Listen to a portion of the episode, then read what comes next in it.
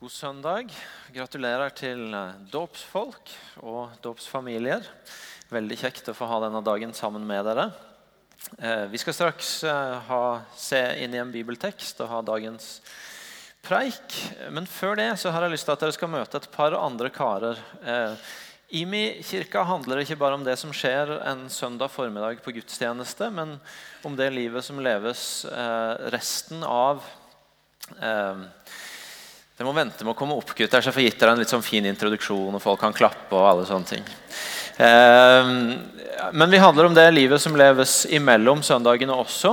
Og om de mindre fellesskapene vi lever i, hvor vi har lyst til å gjøre Guds godhet tilgjengelig for mennesker som kanskje ikke finner veien inn i dette huset, men som vi tror at Gud er glad i, og at Gud har lyst til å vise seg som en god Gud for. Eh, og Derfor så gjør vi også en vane av hver søndag å prøve å fortelle en historie om noe av det livet. Og for, et, for, dere som går her til vanlig, for et par uker siden så møtte dere et av de misjonale fellesskapene vi har i ungdomsarbeidet vårt. Vi restarta hele ungdomsarbeidet vårt i høst.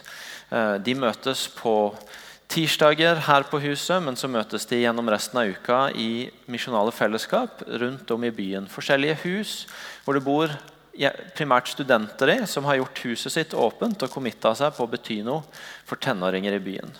Og I dag så hadde jeg lyst til at dere skulle møte et annet av disse fellesskapene. som eh, Dere skal få møte en som leder det, Håkon, og en som er med i det, som heter Atle. Og Nå kan dere komme opp, og så kan dere andre klappe for dem.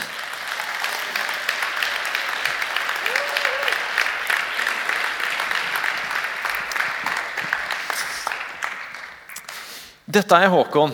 Han har gått her på Akta. Han studerer teologi. Eh, og dette er Atle. Og eh, han er med i misjonalfellesskapet fellesskapet til Håkon og kommer her fra byen.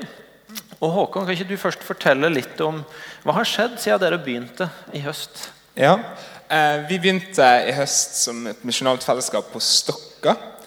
Eh, borte med Stokka kirke. Eh, og vi tok utgangspunkt i Atle her, faktisk. som en av de vi tok utgangspunkt i. Eh, noen ungdommer som, som eh, var her fra menigheten, som var med i ungdomsarbeidet Puls 2. Eh, og så reorganiserte en Puls 2, som du sa. og da Atle han sa jeg har masse venner, de kan jeg ta med på et misjonalt fellesskap. hvis dere har det. Så da eh, flyttet vi sammen fant hus, billig hus eh, på Stokka og bor der. Eh, og det er egentlig vokst jevnt og trutt. Eh, nå er vi mellom 10 og 15 ungdommer samlet hver fredag. Pluss at vi har kontakt med ungdommer hele uken, egentlig. På kafé, på skolen. Ja, forskjellige plasser.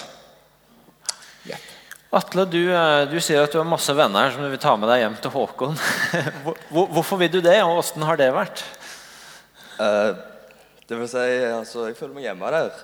Og uh, så er det greit å ta dem med, kose seg. Det er egentlig bare en god vennegjeng som sitter der og snakker og har det kjekt. Har det vært, uh, vært, vanskelig?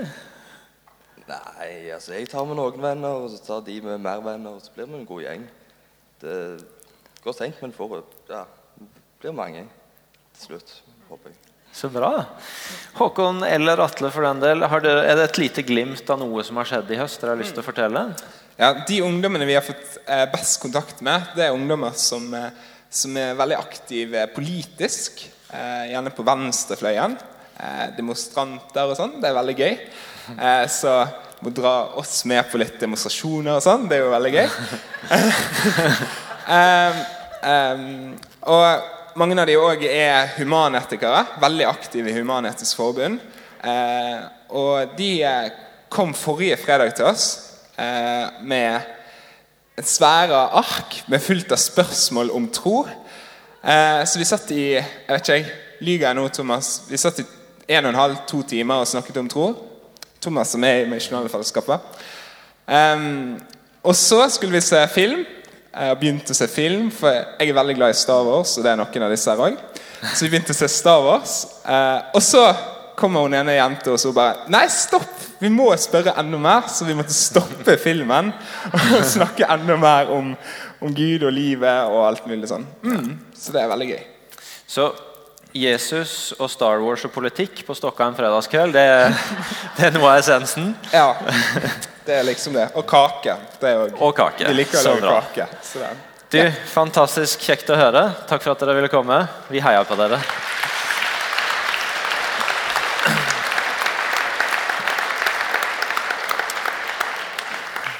Bare lyst til å nevne i forbindelse med disse misjonale fellesskapene at eh, gjengen som holder på med dette her på Kjensvoll, trenger et nytt hus eller to fra nyttår av. Så hvis noen har et hus de har lyst til å leie ut, eller vet om noen, så ta kontakt med oss, sånn at vi kan fortsette med dette her.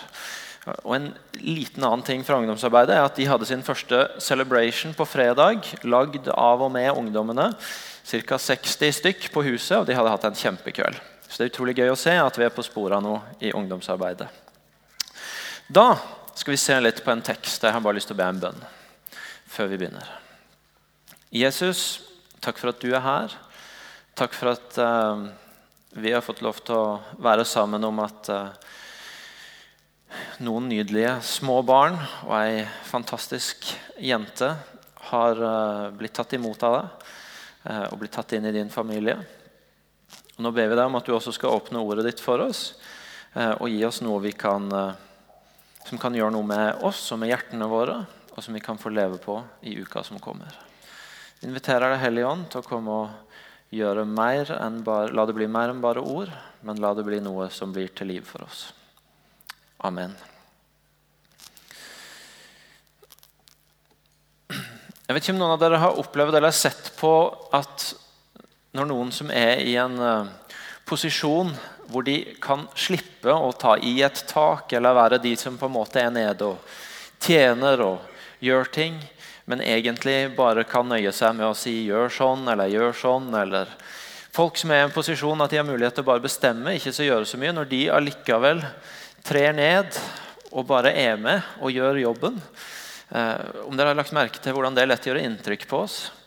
Hvis en president eller en politiker plutselig står der og graver sammen med de andre, så er det gjerne på forsida dagen etterpå.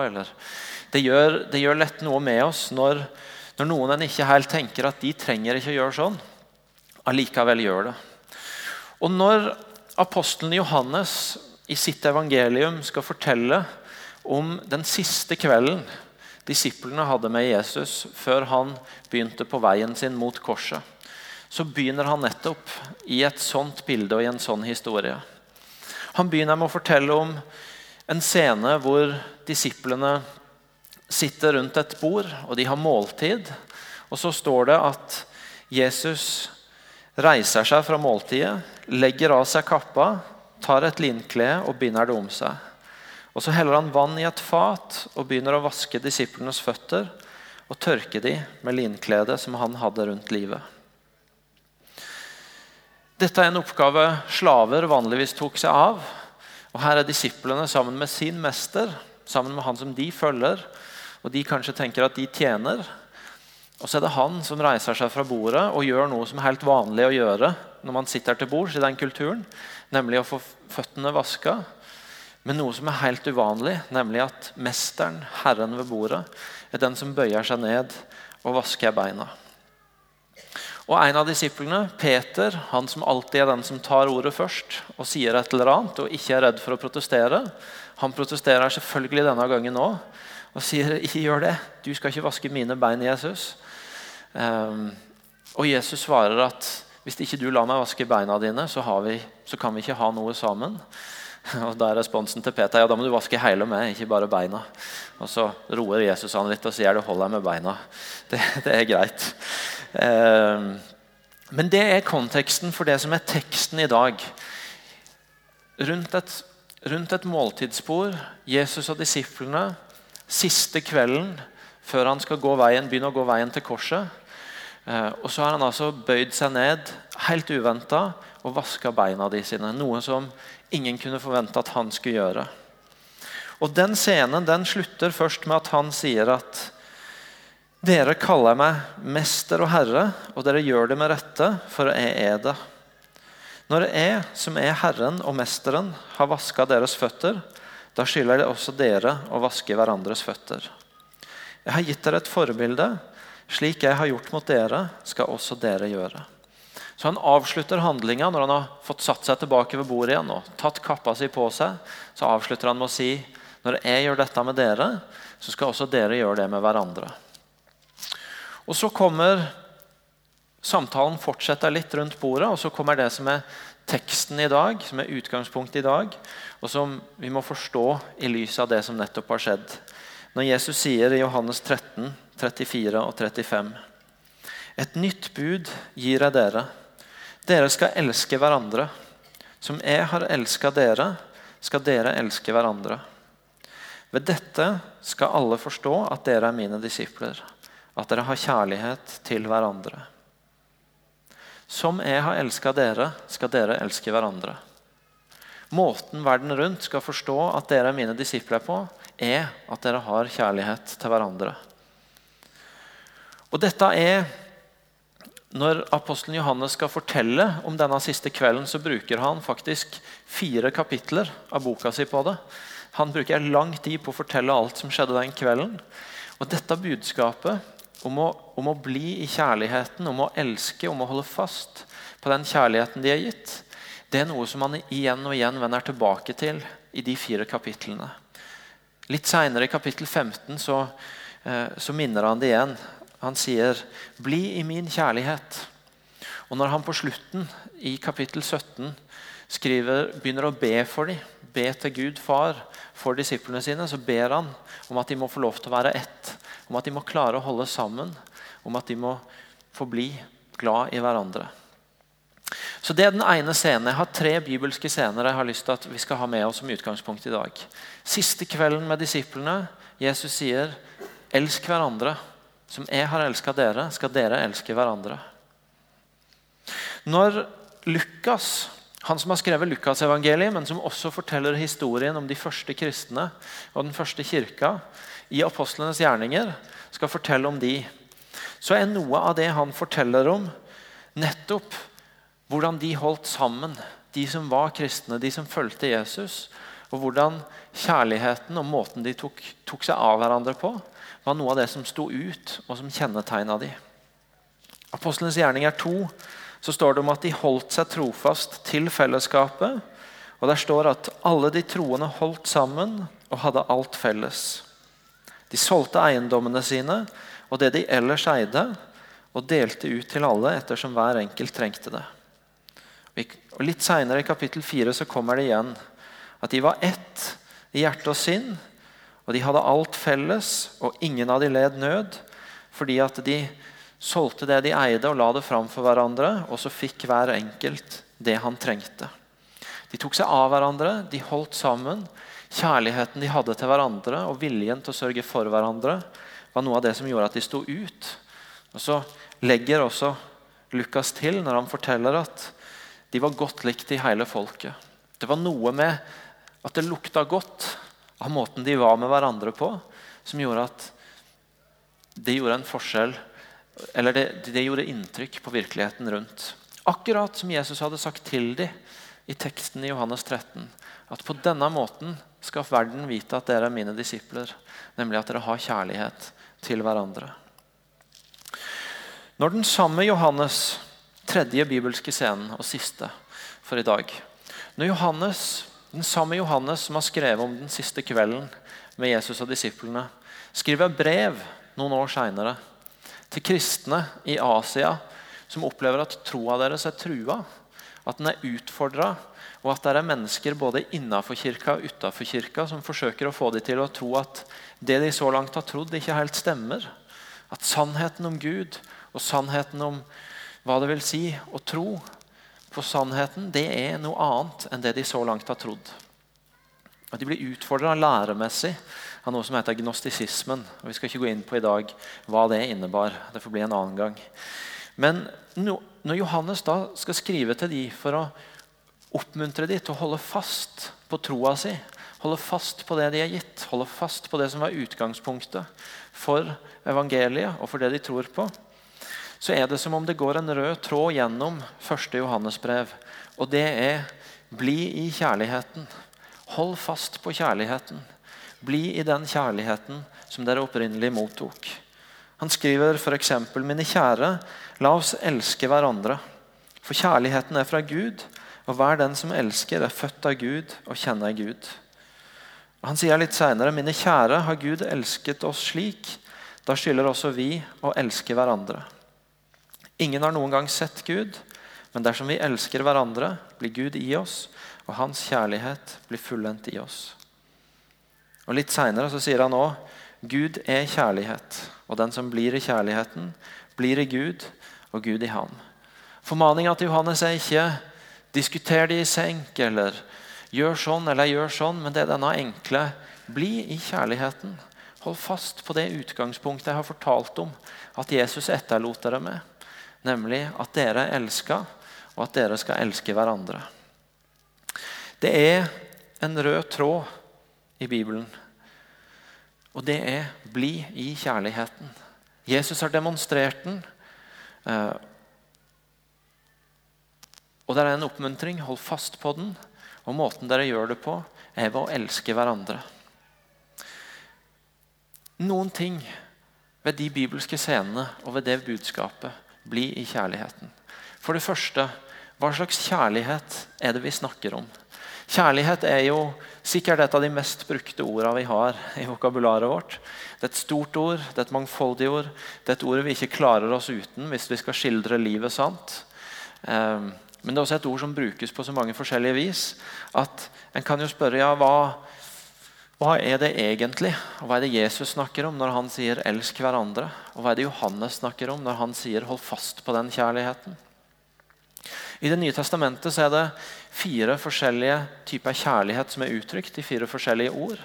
Det ene er den broderlige kjærligheten. Kjærligheten som er mellom de som, har, som er på team sammen som kanskje har en felles sak de holder sammen om. Og, og, dette her binder de sammen. De får en kjærlighet til hverandre. Det er den familiære kjærligheten. Kjærligheten som går mellom de som biologisk hører sammen. Blodsbånda. Eh, den type kjærlighet. Det er den kjærligheten som, som, har sin utgangspunkt i det greske ordet 'eros', og som handler om romantisk kjærlighet eller seksuell kjærlighet. Og så er det dette ordet 'agape', som betyr en kjærlighet som tjener, og som ofrer noe. En kjærlighet som er villig til å tjene og ofre. Og Det er dette siste ordet som Johannes bruker igjen og igjen. Både når han beskriver det Jesus sa den siste kvelden, og når han skriver til de kristne i Asia. Ordet agape. Kjærligheten som er villig til å tjene og til å ofre. Kjærligheten som er så konkret. Um, Gud er kjærlighet, skrev han. Hva betyr det? Jo, det betyr at i Guds identitet, i den Gud er, så ligger det at han er villig til å stige ned og tjene og ofre noe for oss. Hva betyr den kjærligheten for de nydelige barna og for Mari, som er døpt i dag? Jo, Det betyr at Guds kjærlighet til de ikke bare er bygd på en følelse han har fordi de ser så flotte ut.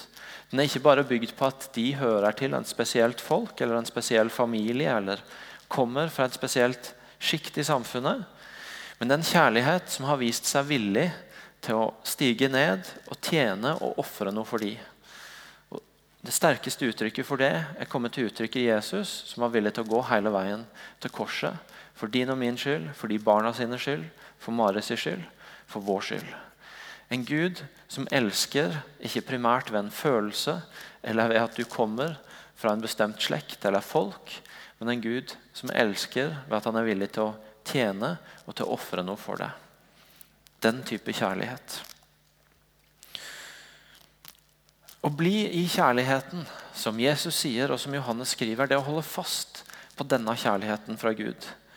Det holder fast på at Guds kjærlighet til oss ikke bare er en følelse, ikke bare er tilfeldig, men den kjærlighet som har vært villig til å ofre noe for oss, og som er villig til å ofre noe for oss.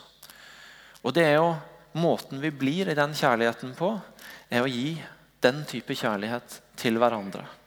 Å være villig til å dele med hverandre en kjærlighet som ikke bare føler og velger ut, men som er villig til å ofre og til å tjene.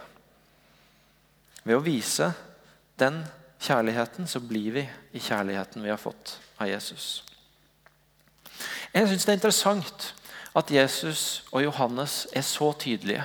Og at når Johannes skal formane de kristne, så er han så tydelig på å formane dem på å bli i kjærligheten. Jeg vet ikke om dere har lagt merke til det, men det er en ganske, sånn, ganske stor enighet om, og jeg kan i hvert fall merke det i mitt liv, at eh, når jeg er sliten og når jeg er pressa, det er et av de punktene hvor jeg er mest utsatt for det vi på kristenspråket gjerne kaller fristelser. og Som du sikkert kan kalle mye annet, men som egentlig handler om at du lar deg forlede til å sende livet og til å ta valg eh, som jo går i en annen retning enn det livet du egentlig vil leve og veit at du skal leve og har lyst til å leve. Eh, du lar deg lede i feil retning.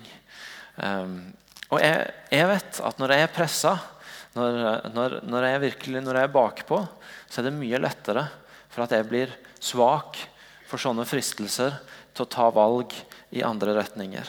Og Vi ser det i Jesu liv også. Matteus 4, når Jesus er ute i ørkenen og blir frista, at det er når han er, har vært der lenge, når han er trøtt, når han er sulten, så kommer djevelen til han, og så forsøker han å få han til å velge sånne enkle, åpenbare, lette utveier som å ta mat eller få makt eller andre ting. Og Hva er det som ofte skjer når vi er i den posisjonen at vi er pressa, at vi er bakpå, at vi eh, strever med å helt velge det vi egentlig vet er sånn vi har lyst til å leve, og de valgene vi har lyst til å ta? En av de tingene jeg i hvert fall kan gjenkjenne, det er at det er utrolig lett for meg at det vokser fram uvilje mot andre inni meg. Jeg blir litt sånn, Det er akkurat som jeg blir litt sånn ekstra paranoid og begynner å tenke hva mente han med det han sa der? og eh, Hvorfor gjør hun sånn? og eh, Å, nå er alle mot meg plutselig. Eh, og så er det som om du veldig lett utvikler noen tanker og følelser og holdninger til folk som du, hvis du ikke var så pressa, kanskje hadde klart å styre unna. Det er merkelig hvordan de en er alle er mest glad i, en trøtt og stressa morgen, plutselig jeg skal ikke si at de kan bli til fiender, men de kan bli til store utfordringer. i hvert fall, og du kan få deg til å si, Jeg kan i hvert fall få meg til å si ting som er på et litt mer ovenpå punkt av dagen, antagelig bare, eller ikke bare antagelig, men som er litt seinere på dagen, gremmes over. Hvordan kunne de du er aller mest glad i, få høre noe sånt av deg? Hvordan kunne du tenke sånn om de du setter aller høyest? Eh, til og med mot de vi er glad i, så kan vi la oss i en posisjon hvor vi er pressa, bli leda til at det er akkurat som om de blir noen som vi må kjempe mot, som vi utvikler uvilje mot.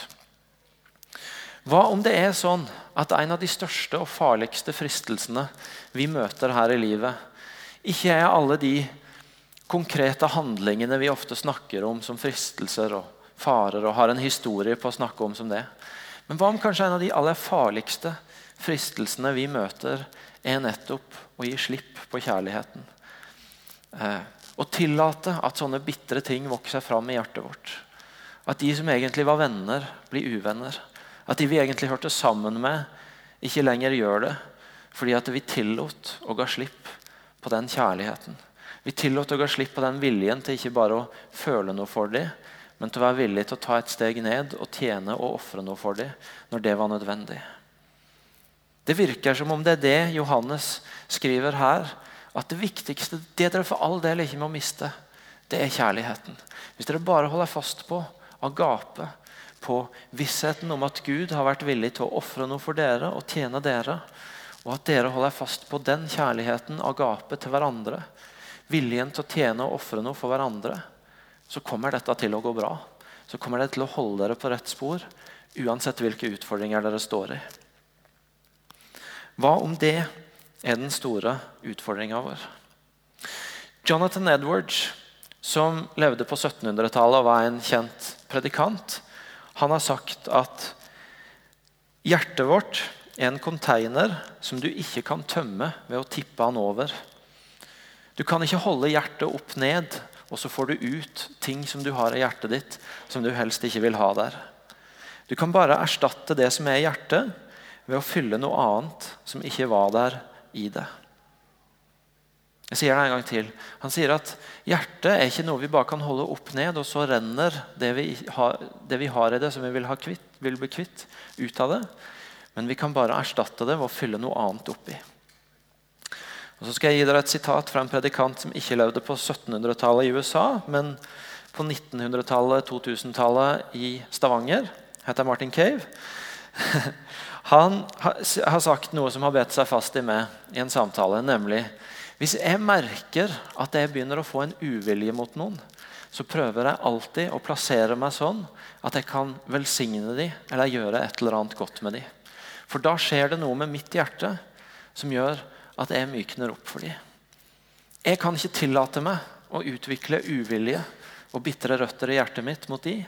Og Derfor så prøver jeg å plassere meg sånn at jeg kan ta på dem, velsigne dem, gjøre noe godt mot dem. Sånn at, eh, sånn at jeg ikke kommer i den posisjonen. Med andre ord, han, fyller, han prøver ikke å tømme hjertet opp ned og helle noe ut. Men han prøver å fylle noe annet oppi, som vi godt kan kalle agape. En kjærlighet som er villig til å tjene og til å ofre, litt uavhengig av hva en føler eller kjenner for. Det jeg snakker om, er ikke å ikke konfrontere hverandre når noe er galt. Det jeg snakker om, er ikke å glatte overalt.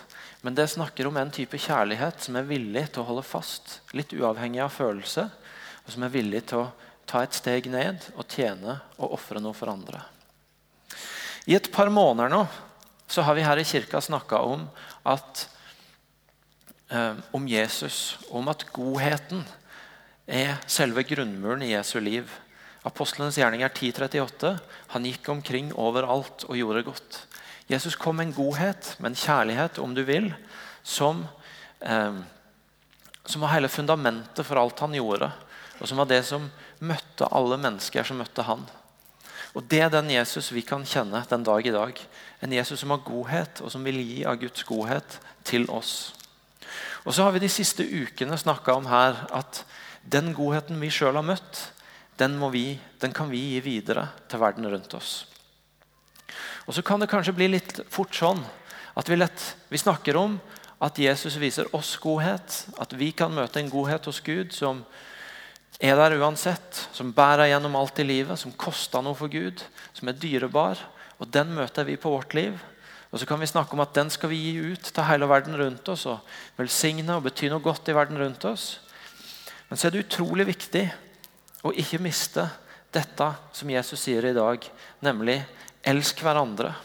Velg denne kjærligheten overfor hverandre, overfor de du har rundt deg, overfor familien din, overfor kirka di, menigheten din, de du er satt til å høre sammen med.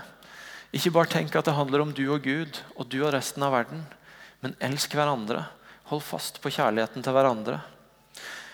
Skal godheten, skal kjærligheten være noe av det som står ut ved Guds folk, så kan det ikke bare handle om verden rundt oss, men det må handle om å elske hverandre. Om å ta vare på hverandre, om å være villig til å vise agape, en kjærlighet som ofrer og tjener overfor hverandre.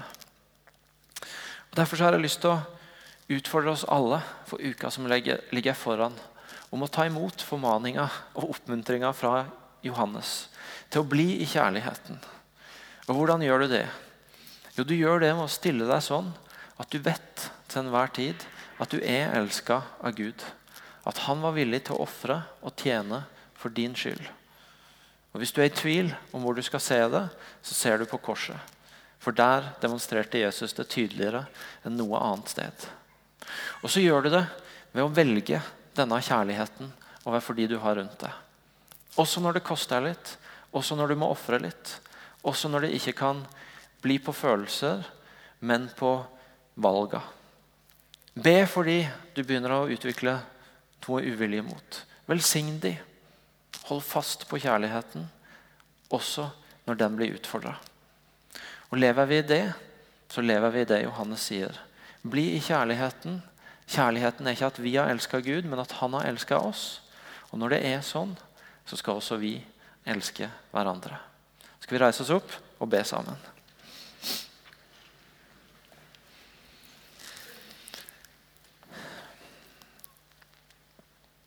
Jesus, vi takker deg for at din kjærlighet er en helt spesiell kjærlighet.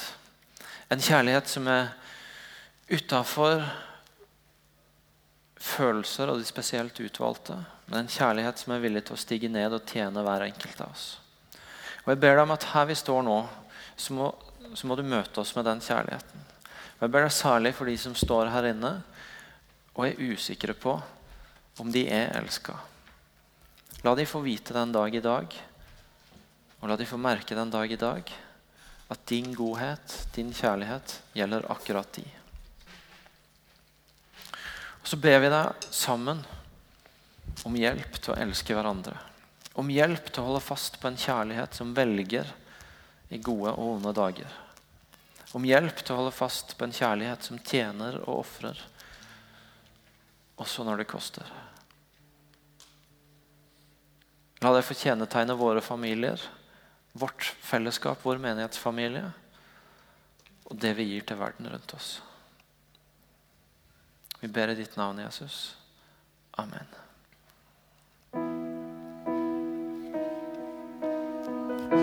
Din kjærlighet, tenk å gå den vei.